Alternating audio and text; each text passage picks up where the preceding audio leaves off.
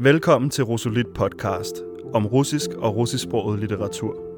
Vært for udsendelsen er mig, Jesper Nyeng, og jeg er phd studerende på Københavns Universitet. I dag skal vi tale om de måske allerstørste navne inden for russisk litteratur, dem man altid vender tilbage til, de tre store realister, Turgenev, Tolstoj og Dostojevski.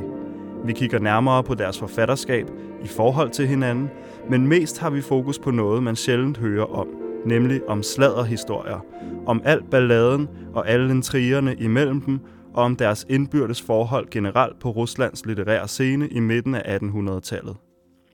Og til at gøre os klogere har vi ekspert og gæst i gåseøjne, for det er nemlig Rosolits egen formand, Peter Bok Nielsen, som til daglig er phd studerende ved Lunds Universitet og ved Søren Kirkegaard Forskningscenteret ved Københavns Universitet. Og dit projekt, Peter, det handler om Tolstoj og Kirkegård. Men i dine studier har du altså også skrabet en del sladder op under neglene. For fælles for både Turgenev, Tolstoj og Dostojevski var måske, at de alle havde ret høje tanker om sig selv som forfattere. Eller hvad siger du til det, Peter? Ja, det må man virkelig sige, Jesper. Altså, i dag der husker vi jo mest de her tre forfattere som altså historiske personer og ophavsmænd til de her romaner, vi stadigvæk læser, på trods af, at de alle sammen har været døde i mindst 100 år. Men man skal også huske, at de jo også har været mennesker på et tidspunkt, som har været lige så forfængelige, lige så splittede, lige så arrogante, lige så skrøbelige, lige så sårbare som alle os andre, og mindst lige så farverige som de karakterer, de øh, portrætterer i deres værker. Og hvis vi skal kaste os hen til den første af de her tre, det er ham, der hedder Turgenev, Ivan Sergejevich Turgenev hedder han. Han er født i 1818, og han dør i 1883. Turgenev, han er den ældste af de her. Han står med et, øhm, han startede som digter. Han står ligesom med et ben i romantikken, og det kan man godt mærke på den, den måde, han skriver på. Man kan sige, at Turgenev, han er, vil jeg våge at påstå, uden sammenligning den af de tre her, som bliver læst mindst i Danmark. Og det er faktisk lidt synd, fordi han er faktisk en virkelig god og interessant og virkelig spændende forfatter, som fortjener at blive læst. Vi forbinder ham mest med de øh, værker, som hedder Fædre og Sønner. Så er det værk, der hedder øh, En jægers optegnelser, og det værk, som hedder øh, Forårsbølger, hedder det. De er alle sammen oversat til dansk, nogle af dem for ganske nylig. Det kan kun øh, anbefales at læse dem. Men Turgenev, han er faktisk en rigtig interessant forfatter, som jeg godt lige vil holde en lille kort forsvarstale for. Fordi han kan måske godt blive lidt klemt mellem de her to andre, Tolstoy og Dostojevski, og det er faktisk lidt synd, fordi der er virkelig noget, som er interessant i hans forfatterskab, som man bør øh, forholde sig til. For eksempel så har han ret stor litteraturhistorisk betydning, for, fordi han skrev et, øh, et værk, der hedder Et overflødigt menneskes dagbog. Og det overflødige menneske, det er sådan lidt en, en øh, grundfigur eller en arketype. Det er mennesker, som er... Øh, som er privilegerede, de, har, de behøver ikke, øh, de, de sulter ikke til døde, hvis de ikke lige gider at stå op på en enkelt dag. Eller altså, hvis de, de behøver egentlig heller ikke arbejde, de ved ikke helt, hvad de skal i tilværelsen, hvilket tit ender med en, nogle ret, øh, ret hæftige, sådan hedonistiske udskejelser, og typisk er der også tit nogle øh, dueller involveret. Kender af Kirkegård vil måske mene, at han minder lidt om den kirkegård-figur, som man traditionelt har kaldt for æstetikeren, og det er afgjort en rimelig sammenligning at have. Og det, der også er interessant ved Turgenev, det er, at på trods af, at vi læser ham mindst i dag, så er han uden sammenligning den af de tre, som har haft størst indflydelse på realismen i Vesten, som den kom til udtryk i slutningen af det 19. århundrede. For eksempel så er E.P. Jacobsens øh, roman Niels Lyne kraftigt inspireret af Turgenevs stil. Og så må man også sige, at der er også nogle ting ved Turgenevs litteratur, som lidt har hvor tiden ligesom har arbejdet lidt for ham, må man sige. For eksempel så er han ret kendetegnende, det er det ret kendetegnende for ham, at hans øhm, kvindeportrætter er meget tredimensionelle, de er meget handlekraftige. Altså der er virkelig nogle gode kvindeskildringer hos Turgenev. Og man kan måske sige, at klubben af, af, af mandlige for, øh, vesteuropæiske forfattere i midten af 1900-tallet, som kan skrive tredimensionelle, handlekraftige kvindelige portrætter, den er måske ikke så stor, hvis vi nu skulle være helt ærlige, men der er ikke nogen tvivl om, at Turgenev han har altså medlemskab af den her klub. Så en fantastisk forfatter, som virkelig fortjener at blive læst på linje med de to andre. Men hvad var det for en indflydelse? Du siger, han, han gjorde enorm indflydelse på sit samtidige forfatterskab og på de linjer, der blev trukket op igennem øh, russisk øh, øh litteratur og samfundsdebatten i Rusland. Kan du nævne nogle af de sådan specifikke øh, temaer, som Turgenev øh, knyttede an til i sine værker. Altså Turgenev han knyttede meget an til den debat, man havde om, om, om reformer i Rusland, som man havde på det her tidspunkt. Det kommer tydeligt til udtryk i den roman, der hedder Fædre og Sønner, som er en ret fantastisk roman, altså hvor, hvor en, en far, som elsker sin søn meget, meget højt. Det er faktisk meget, meget, sådan, øh, meget rørende, den måde Turgenev beskriver den her fædrende kærlighed den her søn. Går og venter på, at den her søn vender hjem fra studierne i St. Petersborg. Hvad han ikke lige vidste, det var, at den her øh, søn har altså en ven med, som han har fået på universitetet. En medicinstuderende, som hedder Bazarov, som virkelig er en af de sådan måske mest legendariske karakterer fra den her periode. En nihilist. Han er nemlig nihilist. Vi forbinder det jo typisk med folk, som ikke tror på noget som helst. Men når man bruger nihilist i den her periode i Rusland, så betegner det en politisk overbevisning, som handler om, at man vil nærmest omstyrte hele samfundet og bygge op, genopbygge samfundet på baggrund af gennemført rationalistiske principper. Altså det er en sådan form for ekstremificering af den rationalistiske del af oplysningstiden. Og det, der er utroligt interessant ved fædre og sønner, det er, at den ældre generation her, den, øh, altså med faren og med farens bror, de, de er fra en generation, hvor man opfatter sig, hvor man opfatter sig som liberale, man opfatter sig som, som, som dem, som er progressive, man opfatter sig som dem, som ligesom vil, vil samfundet det godt. Og så kommer der den der helt unge mand, som bare siger, jamen, I er bare en del af systemet, I er bare en del af problemet. Hvis vi skal gøre noget ved samfundet, så skal I også ud, eller jeres idéer skal i hvert fald. Og der er den jo egentlig ret interessant, fordi vi jo også lige for tiden jo faktisk ser nogle ret store, ret hæftige generations opgør lige i tiden faktisk. Mm-hmm. Så øhm, 150 år efter sin død, fædre og sønner fort, fortsat relevant.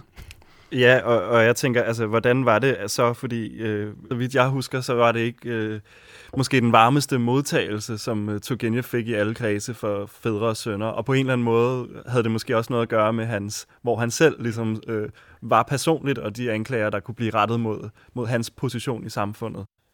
Han fik stort set ikke nogen varm modtagelse i nogen kredse for den her, for den, for den her roman. Og, øh, og det var simpelthen fordi, at stort set alle dem, som var ligesom blev repræsenteret i romanen, uanset hvilken generation det var, om det var nihilisterne eller det var generationen før, de følte sig voldsomt fejlrepræsenteret og karikeret og lavet grin med. Den eneste, som næsten, eller ikke en af den eneste, men en af dem, som faktisk tog den i forsvar, det var faktisk øh, Dostojevski faktisk, som virkelig gik i bræschen fra fædre og sønner, og hvor Tugene faktisk senere hen på trods af, at de faktisk ikke var de bedste venner på det her tidspunkt, på grund af politiske øh, uoverensstemmelser, som vi kommer til lige om lidt. Men Turgenev var faktisk ude og kreditere Dostojevski som en af de ganske få, som faktisk havde forstået, hvad den her roman gik ud på.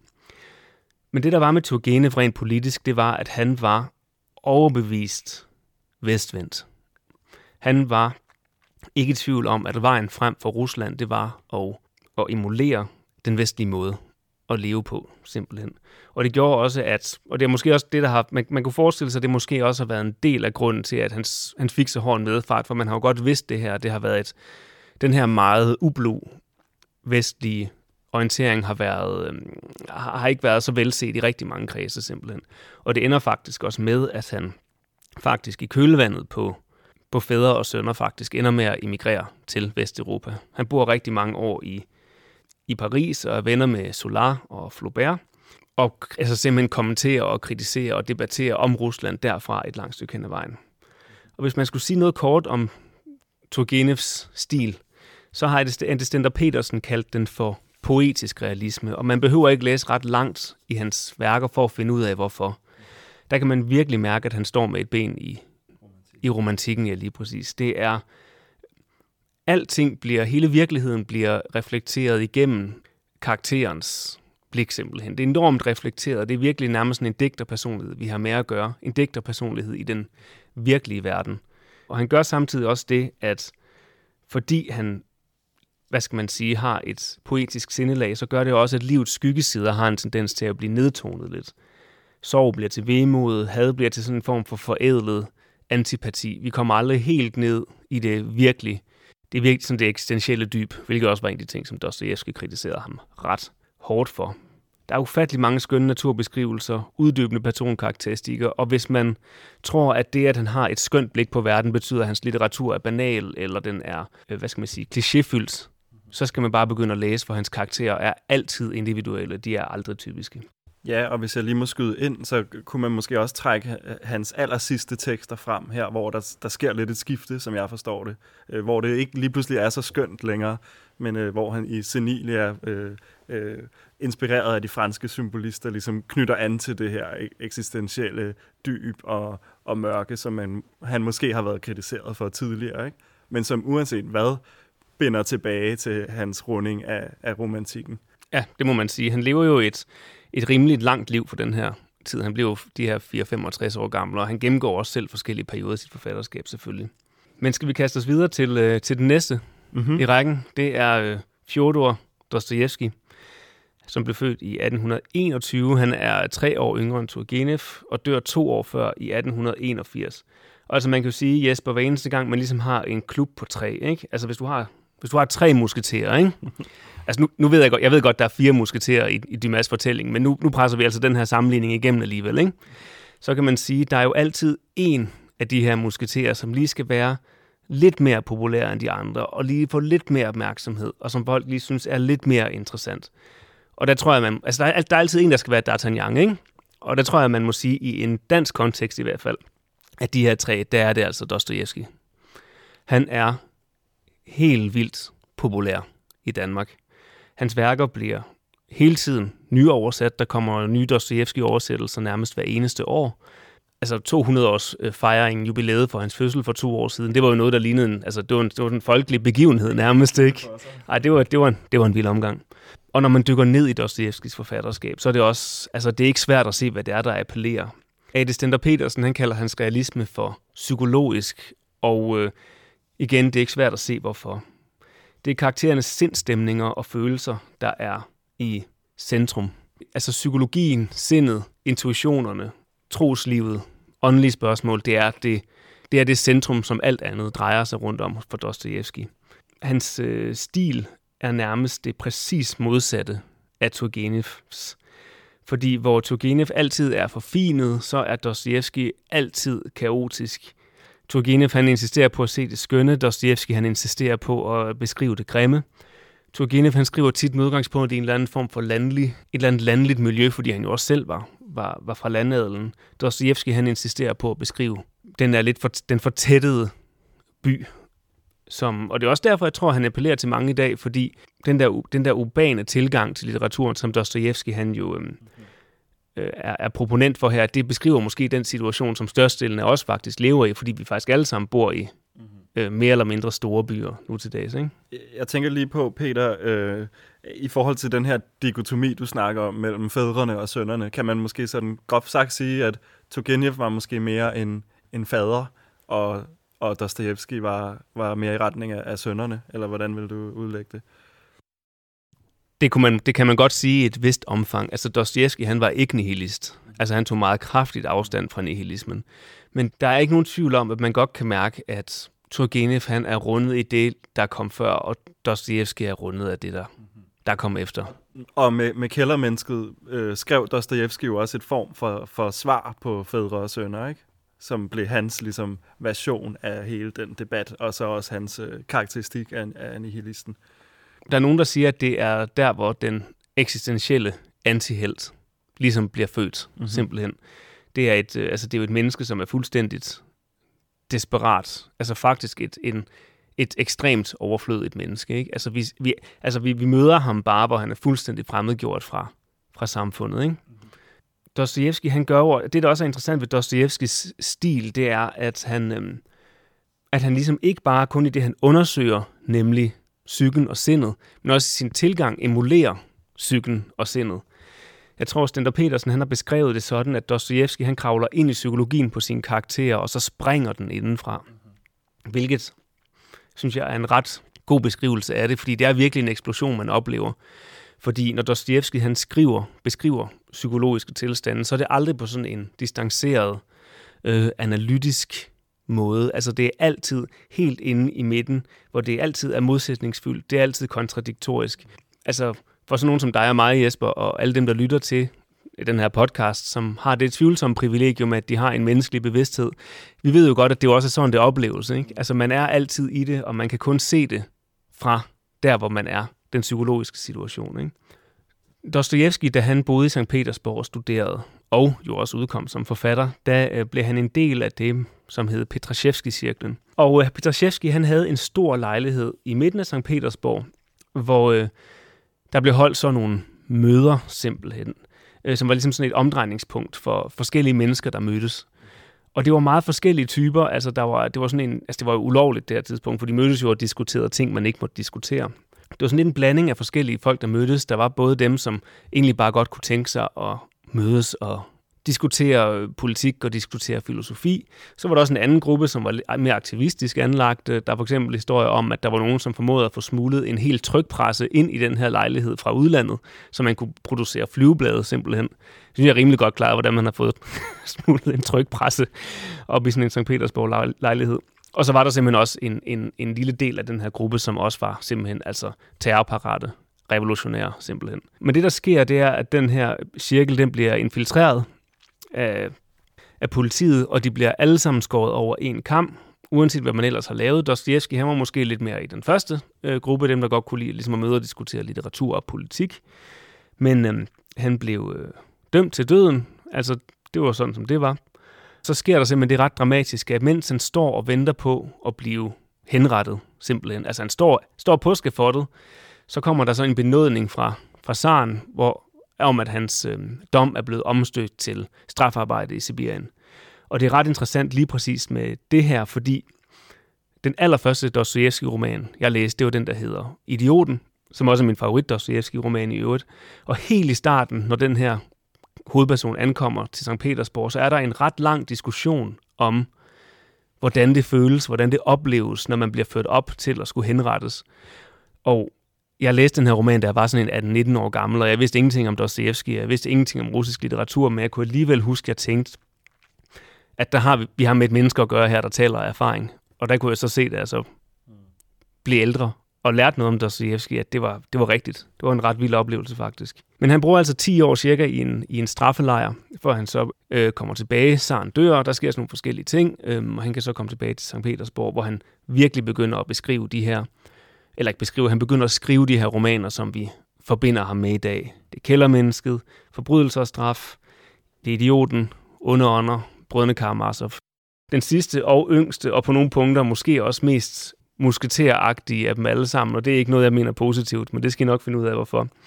Det er øhm, Tolstoy, Lev Nikolajevich hedder han. Han blev, øhm, han blev født ind i højadelen på et gods, i, øh, på et gods cirka 200 km syd for Moskva. Men selvom han fik altså usandsynlige privilegier med fra sin, øh, fra, altså fra, fra sin fødsel, så fik han en ret turbulent opvækst. Begge forældre døde, før han var 10 år gammel. Og så levede han ligesom hos forskellige værger rundt omkring i Rusland. Han læste meget, meget kort på universitetet i Kazan. Der er bevaret en brev, øh, korrespondence mellem en af Tolstoys universitetslærer og så en, en anden en, hvor i den her universitetslærer beskriver øh, Tolstoy som både uvillig og ude af stand til at lære noget som helst. Hvilket jo er sådan en ret, en ret vild beskrivelse, ikke? fordi når man læser Tolstoys værker, så er det meget tydeligt, at vi har med et meget intelligent menneske at gøre. Han er, øhm, han er mest kendt for, for, øhm, for de værker, som hedder Krig og Fred, som er en Murstensroman. Er det, altså jeg vil sige, den forandrer mursten til at ligne små småsten. Altså den er virkelig, den er virkelig lang, Krig og Fred, som handler, det er sådan et kæmpe stort epos om, om Napoleons krigene, som de udfoldede sig i Rusland. Den bruger han stort set hele øh, 1860'erne på at skrive. Det er sådan på det her tidspunkt, der udkom mange af de her romaner jo som tonger i litterære, øh, litterære tidsskrifter. At så kunne man ligesom abonnere på et tidsskrift, og så fik man to eller tre kapitler i en eller anden roman, og så blev de så samlet til sidst og udgivet som et helt værk. Og det er faktisk sådan, at krig og fred og forbrydelser og straf faktisk udkom sideløbende i det samme litteraturtidsskrift. Altså prøv, Jesper, prøv at forestille dig en tid. Ja, det er helt vildt. Hvor du hver uge, i stedet for Anders Sand, så får du lige... Så får du lige, så får du lige tre kapitler krig og fred, så får du tre kapitler forbrydelse og straf bagefter. Det har jo været gyldne tider for, øh, altså for litteraturredaktører. altså. Men øhm, Tolstoy han så gør simpelthen det, at han er færdig med at skrive Krig og Fred og Anna Karenina, så, så, nej, undskyld, Krig og Fred, så gør han det, han tænker, øhm, jeg har lige skrevet en bog på 1500 sider, gav videre, om jeg kan nøjes med at skrive en bog på 1000 sider den her gang, og så skriver han så det andet hovedværk, som hedder Anna Karenina. Men der sker det, samtidig med at han skriver Anna Karenina, at han får en meget alvorlig eksistentiel krise, som simpelthen bringer ham ud på selvmordets rand, faktisk. Han har svært ved at se, hvad meningen med tilværelsen overhovedet er, hvilket jo er voldsomt at tænke på, synes jeg, når man påtænker, at Tolstoy på det her tidspunkt er blevet en øh, verdensberømt forfatter for de her to værker, og han bor, han er, han bor på et gods, han er super rig, og han har en familie, han har en masse børn, som han bruger en utrolig masse tid sammen med. Altså alting burde sådan set bare klikke, og det gør det bare overhovedet ikke. Han får en meget, meget voldsom åndelig krise.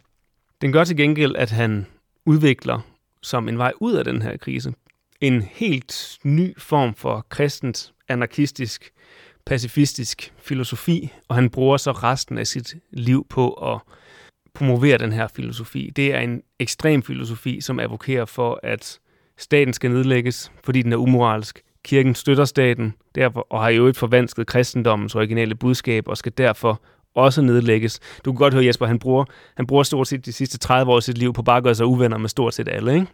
Til gengæld så er der utrolig mange, særligt unge, særligt unge mænd, som synes, at der er der endelig en her, en faderfigur i slutningen af 50'erne, som han jo var på det her tidspunkt, som viser os vejen frem. Så der begynder også at komme sådan en form for menighed omkring ham.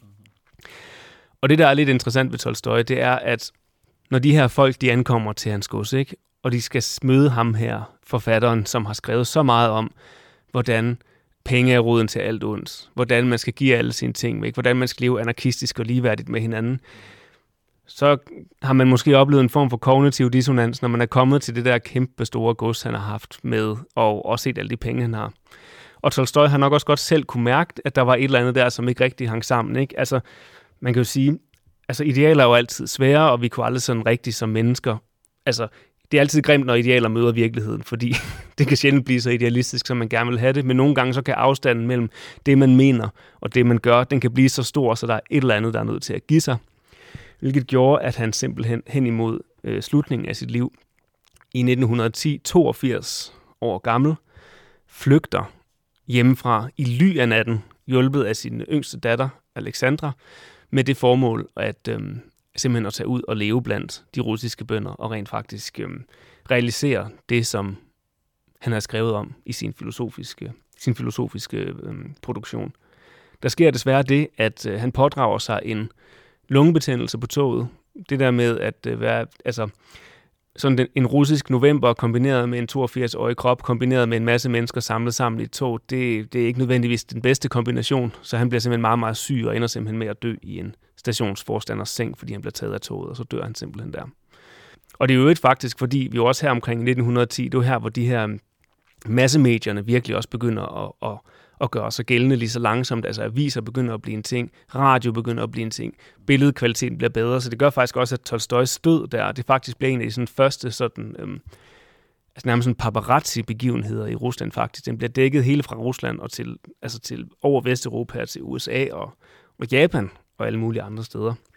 Men skal vi så ikke lige hurtigt runde hans, hans øh, litterære stil? Altså jo. det, som Stenner Petersen kalder plastisk realisme. Jo, lige præcis. Og man må sige, Jesper, at plastisk realisme, det er uden sammenligning den mest mystiske af de her betegnelser. Ikke? Poetisk realisme, psykologisk realisme, det forstår man så nogenlunde intuitivt, hvad det er. Men plastisk realisme, hvad pokker det?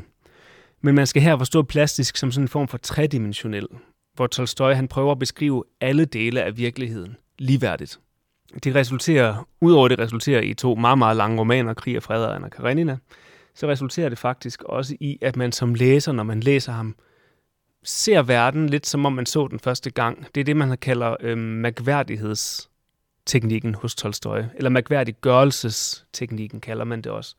Fordi det er, det det, som Sklovsky taler om? Øh, Lige præcis. Astranjenje på russisk. Ja, lige præcis, ja. Jeg tror også, det kan kaldes fremmedgørelse, men jeg, jeg ved ikke helt, om der er dansk konsensus for begrebet. Øh. Jeg tror lidt, det der er problemet, det er, at når, jeg, når, når folk siger fremmedgørelse, så begynder alle at tænke på Karl Marx, ikke? Jo, altså, og Bertolt Brecht. Og Færre frem, du, ikke? Ja, lige præcis. Og, og, og det, det er lidt noget andet. Det er en litterær stil. Mm-hmm. Fordi det, som Tolstoy han gør, det er, at han beskriver alting mere eller mindre ligeligt, ikke? Altså, mm-hmm. det er sådan... Altså, de følelser, som en karakter har, hvis elsker lige har slået op med vedkommende, bliver ikke nødvendigvis beskrevet mere indgående end den hestevogn, der kører forbi ud foran vinduet. Altså han forsøger virkelig at beskrive hele virkeligheden så præcist som overhovedet muligt. Og især så bliver det meget tydeligt, når han beskriver sådan noget som sociale situationer, sociale ritualer, fødselsdagsfester, baller og sådan noget. For når han beskriver ting meget sådan koncist og nøjagtigt, uden al den der form for sentimentalitet og nedlagt mening i de her situationer, som vi jo nedlægger dem, men bare beskriver helt konkret, hvad der rent faktisk sker, så får man sådan, jamen sådan en fremmedgjort eller mærkværdiggjort forhold til dem, og faktisk bliver tvunget til selv at forholde sig til, om det, man synes giver mening, faktisk giver mening. Og det er en af de ting, jeg holder virkelig meget af ved Tolstoy. Jeg tror, at jeg tror, det er Carsten Jensen, som på et tidspunkt har sagt om krig og fred, at det Tolstoy han gør, det er, at han lærer ikke folk at se med sine øjne, men han lærer dem, hvor arbitrært de ser med deres egne. Og det synes jeg egentlig er en ret fin måde at beskrive det på. Det her med, at alting bliver beskrevet lige, det, tager så, det kommer også til udtryk i, hvordan han beskriver følelser, fordi en af de ting, jeg virkelig elsker ved Tolstoy, det er, at der er aldrig nogen følelser hos Tolstoy, som er helt rene. Altså, had er aldrig rent had. Kærlighed er aldrig ren kærlighed. Glæde er aldrig helt glæde. Sorg og fortvivlelse hverken er aldrig ren sorg og fortvivlelse. Der er altid, i positive følelser er der altid en eller anden form for vemod eller usikkerhed, og i negative følelser er der altid en eller anden form for, for håb. Og på den måde er det faktisk også blevet sagt om Tolstoy, at han faktisk med den her måde at beskrive følelser på, også fordi det tit bliver ledsaget af nogle nogle drømme, som karaktererne har, faktisk foregriber diskussioner om det ubevidste, som man senere hen tog inden for psykoanalysen. Nå, Peter, nu har vi hørt lidt om de forskellige, de tre musketerer, Tolstoy, Turgenev og øh, Dostoyevsky, og ligesom fået introduceret lidt til deres forfatterskaber og værker osv. Men skal vi ikke kigge lidt nærmere på revol- øh, re- relationen indbyrdes mellem dem og deres syn på hinanden, øh, både kunstnerisk, men måske også personligt? Jo, altså der er ligesom sådan to ting, man kan tage fat på der. Det ene, det er, hvad de mente om hinandens kunst, som de både var... De havde alle sammen meget stor respekt for hinanden som kunstnere, men der var også nogle ting, de ikke holdt så meget af, og så holdt de sig altså virkelig ikke tilbage, når de kritiserede hinanden. Det er den ene del, og så den anden del, det er der, hvor vi øh, virkelig tager hinanden i hånden og går ned på rygtebørsen og finder ud af de virkelig slibrige ting, så at sige. Men hvis man skal sige det, altså nu har vi jo haft fat i, øh, i det her med det poetiske og den psykologiske og det plastiske. Man kan også bruge det som en nøgle til at forstå, hvad forskellen også er imellem dem, og hvad der ligesom har gjort, at de har været uenige i hinandens kunstneriske udtryk. Der er jo nogle helt åbenlyse nogen. For eksempel så mente Tolstoy og Dostojevski begge to, at Turgenev, han, at han simpelthen pyntede for meget på virkeligheden. Han beskrev, han kom aldrig rigtig ned der, hvor det sådan gjorde ondt. Han beskrev aldrig de ting, som altså virkelig gjorde nas. Altså sådan altså eksistentielle og, øh, og sådan åndelige problemstillinger er stort set fraværende hos Turgenev. Og det har de måske sådan set egentlig også ret i, at, at, de er ret i den kritik. Så er spørgsmålet så, om man mener, det er et problem eller ej. Og igen så rettet, altså, så man kan sige, den kritik har både Tolstoy og Dostoyevsky haft af Turgenev, men Dostoyevsky han retter den faktisk også mod Tolstoy, fordi Dostoyevsky også synes, at Tolstoy heller ikke bevægede sig langt nok ned i det, i det grumme, så at sige. Omvendt så var Tolstoy meget, meget kritisk over for både Turgenev og Dostojevski, fordi han jo havde den her plastiske, den her totalt beskrivende måde at skrive litteratur på, at de kun beskrev et, et udsnit af virkeligheden, begge to. Om man så kun tog det udsnit, som var det skønne og det smukke og det poetiske, som Turgenev gjorde, eller om det var dens modsætning, om det var det kaotiske og det grimme, eller det, altså den eksistentielle fortvivlelse, man beskrev, så mente Tolstoy simpelthen, at de begge to var for selektive i det, de skrev. Og der stemte Turgenev så også i i kritikken af Dostojevski faktisk, at de mente, at Dostojevski simpelthen manglede mod til simpelthen at skildre sunde mennesker. Og det gik endda også så langt, jeg kan ikke huske, hvem af dem det var, men der var en af dem, som var så perfid, at de faktisk også hægtede det op på Dostojevskis sygdom, han havde epilepsi, og fordi han selv var syg, så kunne han slet ikke håndtere at skrive om positive karakterer overhovedet. Og han var vist også lidt ludoman, så vidt jeg forstår. Ikke? Så han var også bidt af en, en spillefugl. Han var et uh, menneske plaget af, af indre dæmoner, så at sige. Ikke? Altså man mente simpelthen, at på, at på trods af, at, og der er faktisk enig med sådan en som Tolstoy for eksempel, at på trods af, hvor dybt Dostoyevsky borer i den menneskelige psyke, så er det, så er det et lille udsnit af det at være menneske, vi får frem, på trods af, at man får virkelig det grimme. Men jeg tænker egentlig også, at det er egentlig også sådan, jeg sådan selv har det, at, at Dostoyevsky han er helt forrygende til at beskrive de her totale krisesituationer, som mennesker kan stå i, både eksistentielt og socialt osv. Hvor sådan en som Tolstoy måske i højere grad beskriver de eksistentielle situationer, som ikke er krisesituationer. Altså de eksistentielle situationer, som opstår i hverdagen, altså som har med at gøre med vores hverdagslige fremmedgørelse fra hinanden, som vi hele tiden har. Så jeg tror egentlig sådan, at, at, sådan, at hvis man læser dem sammen, så tror jeg egentlig, man får sådan et ret godt billede af, hvad det vil sige at eksistere, så at sige. Hvad så med Dostojevski? Havde han ligesom et, et modsvar tilbage til, til de angreb, der kom fra Tolstoy? Dostojevskis forhold til Tolstoys kunst var meget sådan, det svingede en del. Altså på den ene side, så kunne man jo godt se, at øh, værdien de her totalbeskrivelser. Han synes, Tolstoy var en meget stor kunstner, men han synes også, at de blev lidt forudsigelige på et tidspunkt. Han kalder dem i et øh, brev, så vidt jeg ved, for sådan nogle forudsigelige godsejerromaner, hvor alle karaktererne var sådan lidt kedelige, og det aldrig sådan rigtig gjorde rigtig nas, ikke? Og hvis vi skulle tage udgangspunkt i det, så vil jeg faktisk godt læse nogle ting op her, som Dostoevsky har udtalt sig om Anna Karenina, som jo er et af Tolstoys hovedværker. Om livet bare består af Vronsky og Karenin-typer, der er det overhovedet ikke værd at leve. Og Ljovin, ifølge min opfattelse, er han og Kitty de dummeste i romanen. Altså, det er jo, altså, det er jo, det er jo alle hovedpersonerne, han lige beskriver som nogle, nogle kedelige dumrianer, ikke? Og det er, jo en, det er jo en hård, hård kritik af en roman, som man må sige, senere er ret hæftigt gået over i, i verdenslitteraturen. Men man kan samtidig også sige, at Tolstoy holder sig heller ikke tilbage, når han selv skal, altså skal, skal kritisere et andet værk af Dostojevski, som senere hen er gået over i litteraturhistorien. Nu skal I bare høre, hvad Tolstoy han har sagt om, øh, om brødrene Karamazov her. Jeg har læst brødrene Karamazov.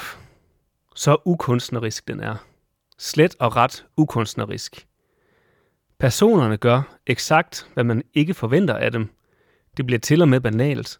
Man læser og ved i forvejen, at de ikke kommer til at gøre det, som de burde. Det er overraskende ukunstnerisk, og alle taler det samme sprog. Og det er altså Karamazov, som øh, den store teoretiker Bakhtin har fremhævet som øh, det store polyfone, øh, fuldendte værk af Dostoevsky.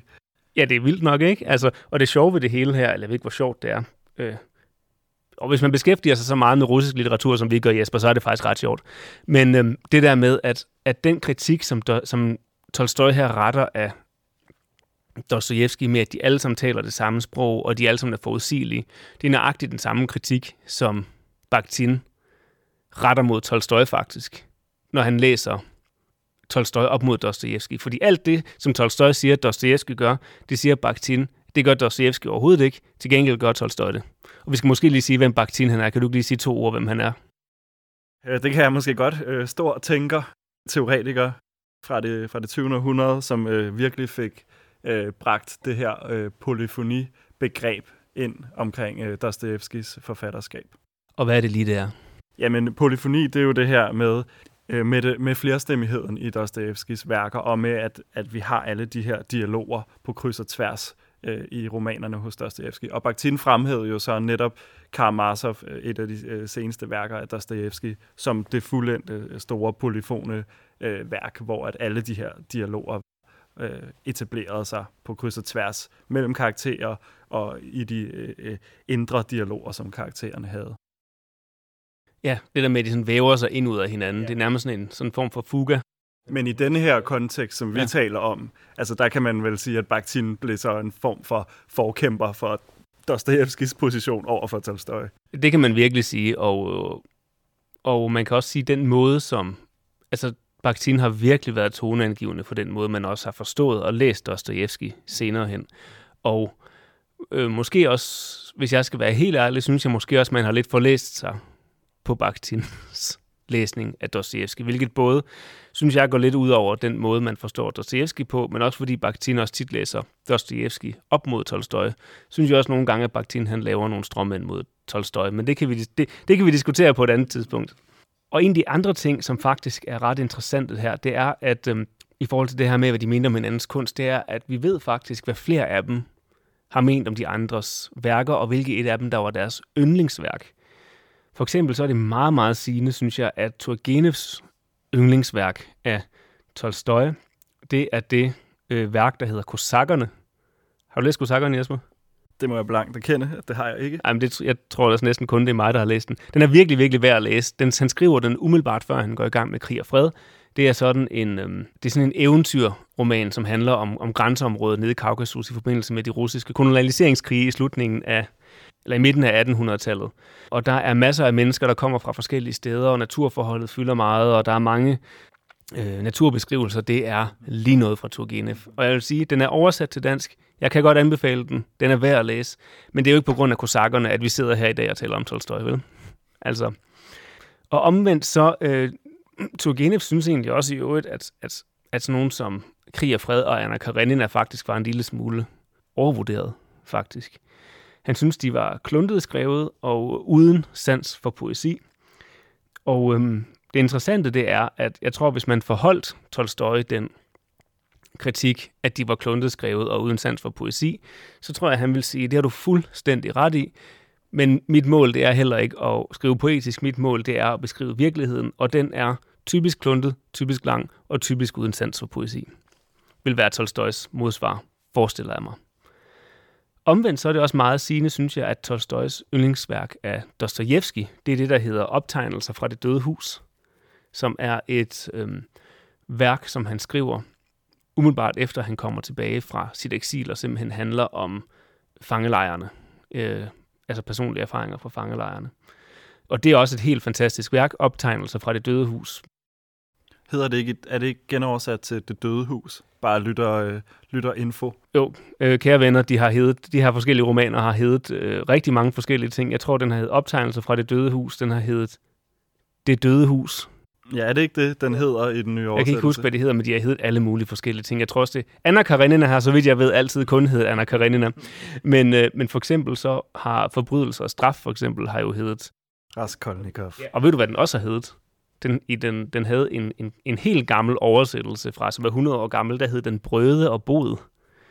Hvilket er en helt fantastisk titel. Men øh, Forbrydelse og Straf, det er det, den hedder nu, og det er også, det er også tættere på det russiske, skal vi ikke sige det på den måde. Men det er bare bemærkelsesværdigt, det der med, hvordan de ligesom trækker mindre værker fra de andre forfatterskaber ud, som dem, der ligesom er det relevante. Ikke? Og hvad er din pointe her? At de værker på en eller anden måde spejler deres egne litterære præferencer ja, mest, ikke? Ja, lidt, ja, lige, ja, faktisk lidt øh, på den måde. Altså, jeg tror, at altså, Tolstoy har formodentlig holdt utrolig meget af mange af de ret indgående beskrivelser af det her straffelejrliv, der er i det døde hus. Og som sagt, Turgenev har været helt pjattet med alle naturbeskrivelserne i, i kosakkerne. Men hvis man skal sige noget, altså nu har vi jo, nu har vi jo hørt, hvordan Tolstoy han er gået rimelig hårdt til brødrene Karamazov, ikke? Men man kan samtidig også sige, at Tolstoy, han er, han kan alligevel ikke have været helt afvisende over for det som værk. Og der følger lige en lille historie, fordi det er nemlig sådan, at brødrene Karamazov var det aller sidste værk, som Tolstoy læste af Dostoy, altså af Dostojevski. Ikke, ikke bare af Dostojevski, men i det hele taget, faktisk. Det var sådan, at øhm, da efter han var flygtet hjemmefra og var død, da man skulle rydde, op efter ham, der så man, at øh, første del af Brødrene Karamazov lå på hans natbord på side 389. Og det er faktisk sådan, at da han var flygtet hjemmefra, der skrev han hjem til øh, sit gods og spurgte om, altså her er jeg, jeg er på vej derhen, kan I ikke lige sende mig de sidste dele af Brødrene Karamazov, og, og, og husk også lige at sende en neglesaks. Og der må man bare sådan sige til alle, som overvejer at flygte hjemmefra i ly af natten, I skal huske at tage neglesaks med, den får I brug for på et eller andet tidspunkt. Men han fik faktisk aldrig rigtig fat i den her i Brødrene Karamazov, så vi ved af gode grunde ikke, hvad han har ment om. Hvad hans endelige dom Hvad hans endelige dom var, han nåede aldrig at læse den færdig. Okay. Fordi jeg tænker også, der er måske også en pointe i det her. Nu, nu har vi talt meget om, om alle de her tre musketerer, og vi har virkelig hørt om Tolstoys vilde personlige og forfattermæssig udvikling øh, igennem hans meget, meget øh, atypiske lange liv. Så man kan måske også sige, at, at de har indtaget forskellige positioner og haft forskellige holdninger til hinandens personer og værker i, i løbet af, af deres øh, liv. Ikke? Og ja. det komplicerer vel yderligere sådan, de her relationer. Ikke? At det også, der, det er også et spørgsmål om noget partikulært i, i tid og rum. Det må man virkelig sige, og det er også bemærkelsesværdigt, synes jeg, fordi det er begyndt at læse russisk litteratur for en, ja, der var sådan lige omkring 20. Det læste jeg Dostoyevsky og Tolstoy, fordi de jo, altså, og synes egentlig, at de mindede meget om hinanden, men jo mere man graver lidt ned i for eksempel de to, jo mere gør det også op for en, hvor forskellige forfattere det faktisk er. Altså, de skriver i den samme tid, de skriver gerne utroligt lange romaner, men derudover så er det egentlig meget forskellige ting, de lægger fokus på. Og hvis du vil høre en, en øh, rigtig sjov historie om, hvordan det der, hvordan, med, hvordan fokus, det ligesom er forskelligt, så skal vi, øh, så skal vi tilbage til brødrene Karamazov og Tolstoy igen, fordi det er nemlig sådan, noget som jeg synes er meget sigende for, hvor forskellige sådan nogen som for eksempel Dostojevski og Tolstoy det er. Det er, at øhm, Tolstoy han skriver i sin dagbog um-, umiddelbart før han flygter hjemmefra, at han har haft en drøm, og i den drøm, der forestiller han sig Grushenka fra brødrene Karamazov, som er den her, den centrale kvindelige karakter, som store Karamazov-bror Dimitri og øh, Karamazov-far øh, Fjodor, de ligesom kæmper om. Øh, ret central karakter på den måde. Men der forestiller, der, tænker, der, der, der skriver Tolstoy i sin dagbog, at han har drømt om Grushenka, men han har drømt om hende som en roman simpelthen. Altså, og formodentlig har underforstået en roman, han selv havde skrevet, ikke? Jeg synes bare, det, det er meget, meget sigende for, hvor forskellige de faktisk er, fordi Grushenka i Brødrene Karamazov, som, som, som mange holder af, og det gør jeg også selv, men man kan sige, hun er jo, altså hun er i, det kan godt være, det er lidt sat lidt stejlt op, men hun er jo meget i romanen for, at hun skal have en indflydelse på nogle af de andre lidt mere centrale karakterer, hvis man skulle gå lidt hårdt til det.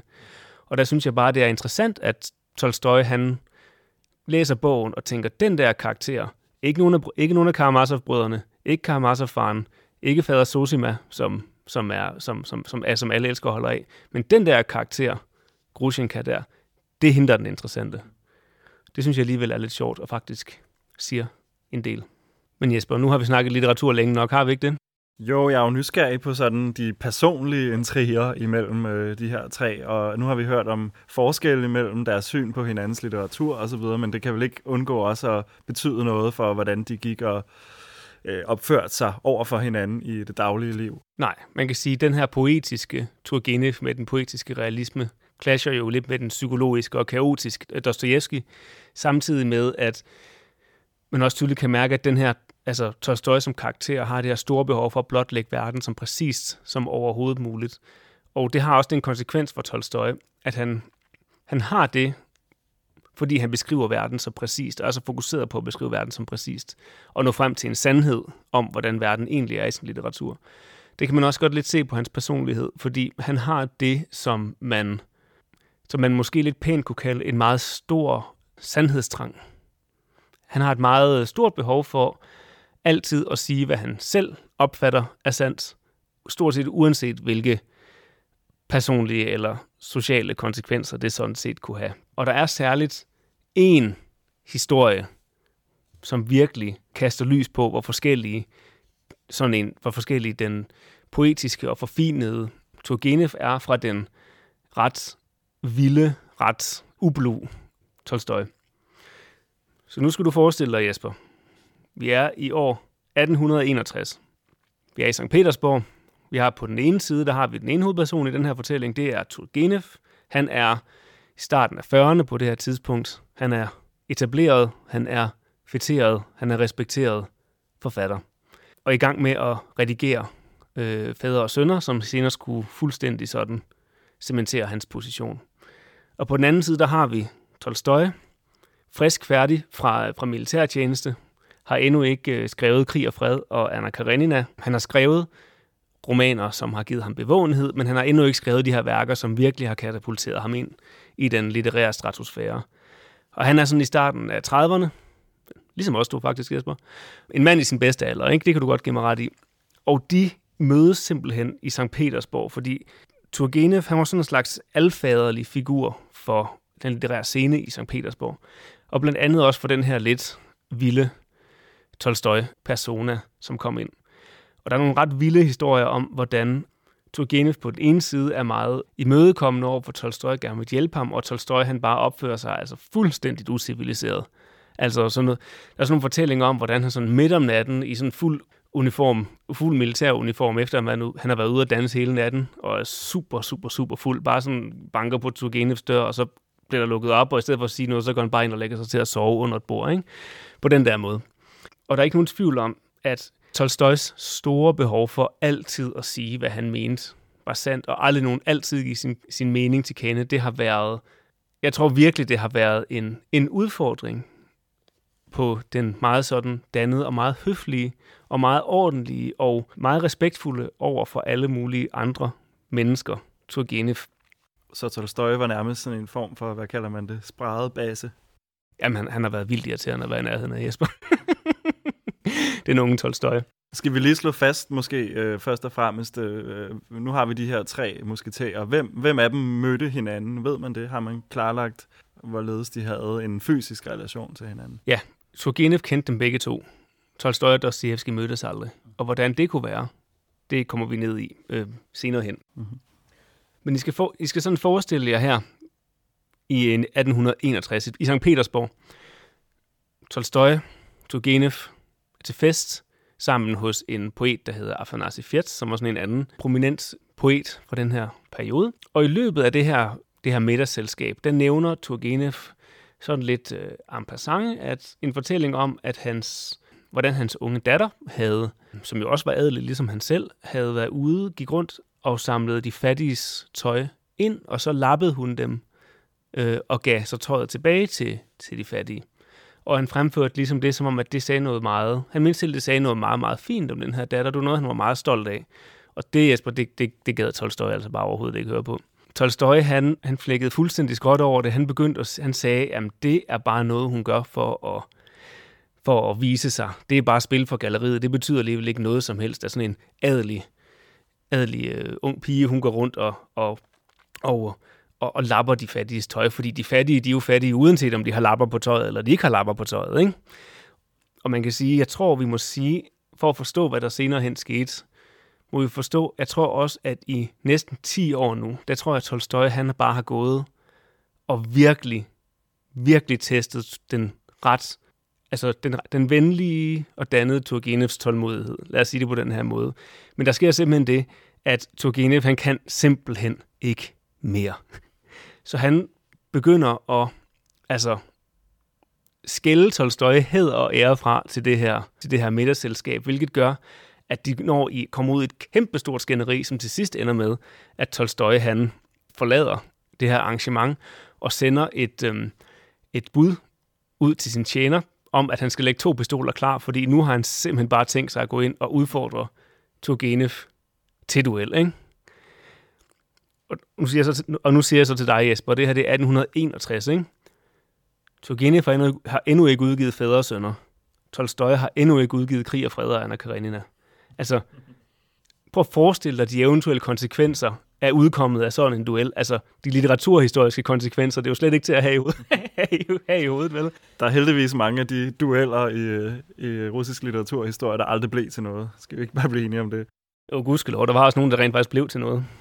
Var det ikke, var det ikke Pushkin og Lermontov? Jo, der, der var nogen, der blev til noget, jo. det er rigtigt. Jamen, der, der var sådan en lidt, lidt ærgerlig periode i, i starten af romantikken, hvor, digtere af en eller anden grund troede, at de kunne udfordre militærfolk til duel og komme levende ud af det. Og det var der i hvert fald to, så vidt jeg ved, russiske poeter fra starten af 1800-tallet, der, der så fejl Mm-hmm. Men der sker simpelthen det, at, at Turgenev og den her duel bliver gudskelov aldrig til noget.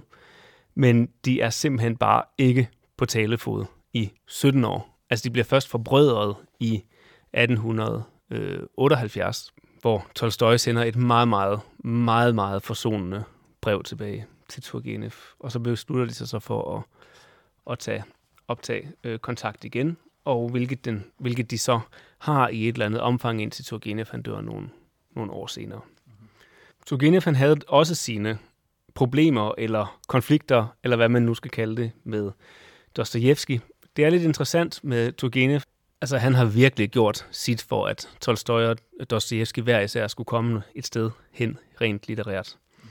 Men det er faktisk lidt interessant, at Dostoyevsky er jo som sagt lige lidt ældre end Tolstoy, så de har faktisk noget med Turgenev at gøre på forskellige tidspunkter. Dostoyevsky han kommer til St. Petersborg og bliver udgivet som forfatter i 1840'erne og plejer omgang med Turgenev der, hvorefter han så bliver sendt i eksil i øh, slutningen af 1840'erne, hvilket øh, næsten passer perfekt med, at det er der Tolstoy han melder sin ankomst på den øh, litterære scene i St. Petersborg. Og ligesom Dostojevski vender tilbage fra eksil i slutningen af 1850'erne, det er der Tolstoy han beslutter sig for at øh, bosætte sig permanent på sit gods syd for Moskva. Mm-hmm. Så først giver Turgenev Dostojevski en hånd, og så giver han en til Tolstoy øh, bagefter. Og det er faktisk sådan, vi har faktisk fået faktisk en beskrivelse af øhm, Dostojevskis første indtryk af Turgenev, fordi han i 1845 skriver et brev til sin bror, efter han har mødt Turgenev. Han skriver sådan noget her. Turgenev er et virkelig fortræffeligt menneske. Jeg har næsten allerede tabt mit hjerte til ham. En overordentligt begavet forfatter. En aristokrat. Smuk, rig, intelligent, kultiveret og kun 25 år gammel. Jeg ved ikke, hvad han mere kunne bede skæbnen om. Så noget mere taknemmelig, end det vi lige hørte om fra Tolstoys side over for Turgenev. I hvert fald, i hvert fald som udgangspunkt. og jeg tror også, det er faktisk også lidt sjovt faktisk, efter, fordi du skal forestille dig, vi har jo kun, næsten kun malerier af dem. Vi har også nogle, nogle, nogle fotoer, men vi har primært malerier af dem her. Når man ser på de malerier, der er Turgenev, så er der mange af dem, hvor han er sådan lidt, lidt længere tilbage i billedet og er malet sådan lidt længere væk fra, så man får indtryk af, at han faktisk var et relativt øh, lille menneske. Hvorimod, når vi for eksempel ser et maleri af for eksempel Tolstoy, så er det næsten altid malet sådan, så det er sådan en lille smule nedefra, og han sidder meget sådan tilpas og komfortabel i en stor stol. Det er også, filmet, det er også øh, malet ret tæt på, og så sidder han jo der med sit kæmpe store skæg. Ikke? Så man får et billede af, at Tolstoy faktisk var en meget stor mand. Men det er faktisk, øh, det passer faktisk, det var faktisk, det passer overhovedet ikke. Altså det var lige omvendt faktisk. Turgenev var høj og flot og smuk, som øh, Dostoyevsky her beskriver, og Tolstoy var faktisk en ret lille mand. Jeg skal ikke kunne sige, om det er derfor, han har skrevet øh, to gange 700 siders roman om Napoleon. Det skal jeg ikke kunne gøre mig klog på, men, men man tænker der sit. Og der er faktisk nogle ret fine beskrivelser af folk, som kommer til Tolstoys godsfold og møder ham hen imod slutningen af livet, og bliver ret overrasket over, at den her russiske kæmpe, de havde forventet sig at møde, faktisk var det her et, et ret lille menneske faktisk, når det egentlig kommer til stykket. Men altså, så, så Dostoyevsky og Turgenev kom egentlig umiddelbart rigtig godt ud af det med hinanden. Der var dog nogle skærmysler på vejen til at starte med. For eksempel så skrev Turgenev på et tidspunkt et satirisk digt, hvor han gjorde sig morsom over den lidt unge øh, Dostojevskis måske sådan lidt pubertære, studentikose, umodne reaktion på sin tidlige succes. Og i det her digt, der kalder han Dostojevski for en øh, bums på den russiske litteraturs næse. Altså, det er jo hæftige sager, ikke? Og det er især sjovt med sådan en som Turgenev, når man, når man bare ved, at han har været så dannet og så behagelig, at han så bare lige en enkelt gang bare bliver super, super duper perfid, ikke?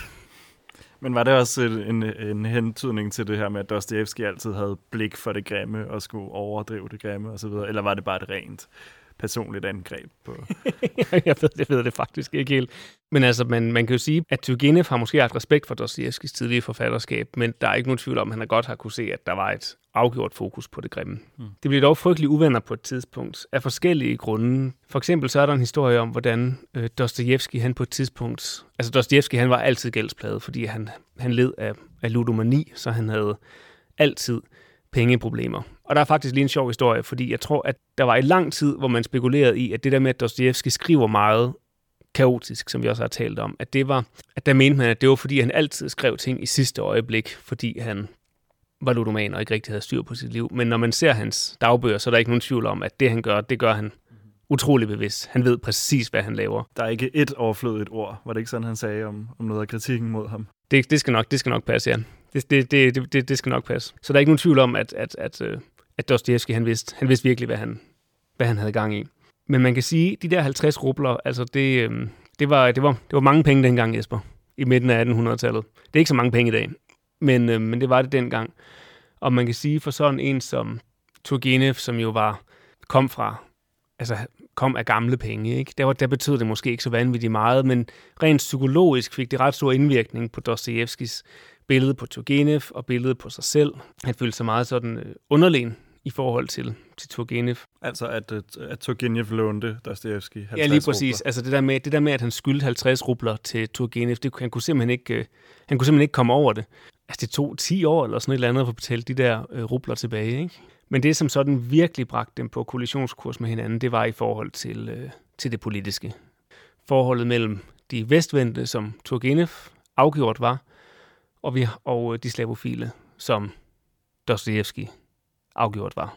Dostojevski var af den opfattelse, at Rusland burde ikke bare burde øh, finde sig selv som civilisation, men at Rusland også havde en opgave, sådan en, en, et, øh, et messiansk projekt i verden, med udgangspunkt i, i den ortodoxe kristendom simpelthen. Og det kan jo næsten ikke være længere væk fra Turgenevs synspunkt på lige præcis det her. Så det bragte mig også på kollisionskurs. For eksempel så skriver Turgenev, som jeg sagde, han, han, han debatterede jo fra Paris på et tidspunkt, øhm, da han boede der og udtalte sig om Rusland, og der er der sådan et ret rammende tidspunkt, hvor Dostojevski han skriver, at Turgenev burde overveje at købe et teleskop, så han rent faktisk kan se det Rusland, som han kritiserer. Ikke? Men de ender med at blive forbrødret i forbindelse med øh, indvielsen af Pushkin-monumentet i 1880, hvor øh, Dostojevski skulle tale, og det mener jeg faktisk også, Turgenev faktisk skulle. Øh, men hvor i hvert fald Dostojevski, han holder en tale, som senere hen er blevet Meget berømt. meget, meget berømt og fuldstændig legendarisk, og han Og en del af sådan, også i forhold til at vende stemningen til det bedre øh, for Dostoevsky, ikke? Altså den generelle offentlige stemning. Absolut, ja. Det må man virkelig sige. Han døde som, altså som en, jamen sådan en nærmest fik, altså en litterær messiasfigur i, i Rusland, og døde så også året efter, faktisk. Så er der hele spørgsmålet om, hvorfor Dostojevski og Tolstoy aldrig mødtes, og det er et virkelig underligt spørgsmål. Ja, altså du har jo øh, redegjort for det her med, at der er, nogle, der er noget tidsmæssigt i hvert fald, ikke? Noget med Dostoevsky i, ja, i straffelejr, arbejdslejr, øh, og, så, og så noget socialt, noget praktisk i forhold til, hvor i, i det store russiske imperium man øh, lever og befinder sig osv. Ja, lige præcis. Og man kan, man kan komme med alle mulige andre forklaringer på, hvorfor det ikke lige skete. Men, men altså for eksempel så kom de også fra forskellige socialklasser. Altså Tolstoy kom jo fra højadelen, og Dostojevski kom fra, fra lavadelen og så videre. Øhm, men det er virkelig underligt, at de aldrig har mødtes, og man får, man får næsten fornemmelsen af, at de aktivt har prøvet at undgå hinanden, faktisk. Man ved, at de har været i øh, selskab sammen. De har, været, de har i hvert fald været i samme rum mindst en gang i 1878 til øh, Vladimir Solovjovs øh, syvende forelæsning om gudsmennesket i Moskva. Filosofen Solovjov, Lige som præcis, er ja. kendt for sin forbindelse til symbolismen. Ja, lige præcis, ja. Lige præcis. Men der var de altså begge to til den syvende forelæsning, hvor man ved, de har siddet der sammen, men der er, vi har desværre ikke nogen grund til at tro, at de har talt med hinanden. Tolstoy ved vi faktisk til gengæld havde sagt til det selskab, han var afsted med, at han ikke ville introduceres for nogen. Han var bare kommet for at høre den her forelæsning. Men man kan da også tænke om grunden til, at Tolstoy, som ellers var et ret udadvendt menneske, måske ikke ville introduceres for nogen, fordi han godt vidste, at Dostoyevsky ville være der. Det er jo ikke til at vide, vel? Og det har været lige ved næsten flere gange for dem også. Altså for eksempel så i forbindelse med den her indvielse af Pushkin-monumentet i Moskva, der ved man faktisk, at Dostojevski han ville have rejst til Tolstoys gods for altså endelig at møde den anden store forfatter i tiden på det her tidspunkt. Men endte simpelthen med at lå være, fordi han havde hørt, at Tolstoy var blevet gal, simpelthen, fordi han jo har været igennem den her meget øhm, Radikale personlige udvikling. det kan man virkelig sige, og jeg tror faktisk også, man må sige, at selv hvis de havde mødtes, så tror jeg, at jeg tror, mødet var blevet kort, og jeg tror, det var blevet hæftigt, og jeg tror, de var blevet frygteligt uvenner. Fordi jeg tror, at på det her tidspunkt, der mente de så radikalt forskellige ting om netop det her forhold, det politiske forhold her simpelthen. Og jeg tror simpelthen ikke, at sådan en som Tolstoy, han ville kunne lade være med at bringe det emne på bane, hvor han godt vidste, at det ville gøre allermest ondt. Så jeg tror, de var blevet uvenner meget, meget hurtigt og var gået hver til sit. Fordi Dostojevski var jo som sagt altså slavofil, og det var især i spørgsmålet om militær intervention og andre steder, at de var uenige. For eksempel var ja, her i midten af 1870'erne, der var en af de helt store øh, politiske begivenheder i Europa, det var den serbiske uafhængighedskrig fra øh, Osmaneriet, hvor øh, Dostojevski mente, at man burde sende øh, soldater øh, til, at, til at hjælpe de slaviske og ortodoxe brødre ned i, ned i Serbien, hvilket man også gjorde, og Tolstoy, som på det her tidspunkt var blevet totalt pacifist, var imod. Og det er også der, hvor man kan se i slutningen af Anna Karenina, hvor Vronsky han tager ned med de her soldater til, til Serbien for at kæmpe dernede, der får den der idé om, at Rusland skulle støtte Serbien militært, for, den får nogle ret hårde ord med på vejen der. En, en direkte kritik både af, af politikken, men måske faktisk også af Dostoyevsky som en del af den politik. Men altså, Tolstoy var også uvenner med stort set alle på det her tidspunkt, så det er jo ikke til at vide, altså, hvad der vil være sket. Men de var meget opmærksomme på hinanden og på hinandens værker og læste dem øh, gerne og kommenterede dem både negativt og positivt. Ja, og man kan sige med, med Dostojevskis død i, i 81 og Turgenevs død i 83 i Paris, og så øh, med Tolstoys, som vi har talt om, øh, vilde personlige udvikling, ifølge Dostoevsky måske, hans, øh, hans vej ind i, i, i, i det gale, jamen så havde den, den russiske realistiske tradition øh, på, på relativt kort tid mistet alle sine tre store øh, helte. Det kan man virkelig sige. Det er også derfor, man trækker skillet der omkring 1880, fordi det er der, hvor Turgenev og Dostoevsky begge to har udgivet deres væsentlige værker. De dør begge to nogle år senere. Og Tolstoy, han som sagt bevæger sig ud på den her underlige, mere politisk, åndeligt indineret vej, og han vender aldrig tilbage til det der kæmpe realistiske format, som han bruger i Krig og Fred og Anna Karenina. Så selvom, selvom der er mange værker fra den sene Tolstoy, som afgjort er værd at læse, så er de måske ikke så repræsentative for den russiske realisme. Mm-hmm. Og med det, så havde vi altså i 80'erne et tomrum i den russiske litteraturtradition, som så skulle blive taget op det følgende årti efter af først og fremmest symbolisterne. Men øhm, jeg vil i hvert fald sige tusind tak, fordi du kiggede forbi øh, Rosalit podcast. Du er jo Rosalits formand, Peter Bok Nielsen, og for at berige os lidt med en introduktion til de tre store øh, realister, de tre musketerer, øh, samt deres indbyrdes øh, ikke helt uproblematiske forhold. Det kan man ikke sige. Selv tak. Du har lyttet til Rosalit podcast om russisk og russisksproget litteratur. Rosolit er et samarbejde mellem unge litteratureksperter og lektor i russisk litteratur, Tine Rosen. Foreningen har som formål gennem foredrag og andet folkeligt oplysningsarbejde at udbrede kendskabet til den russiske og russisksproget litteratur. Kunne du tænke dig at booke foredrag, så gå ind på rosolit.dk og henvend dig direkte til den enkelte foredragsholder. Tak for din opmærksomhed.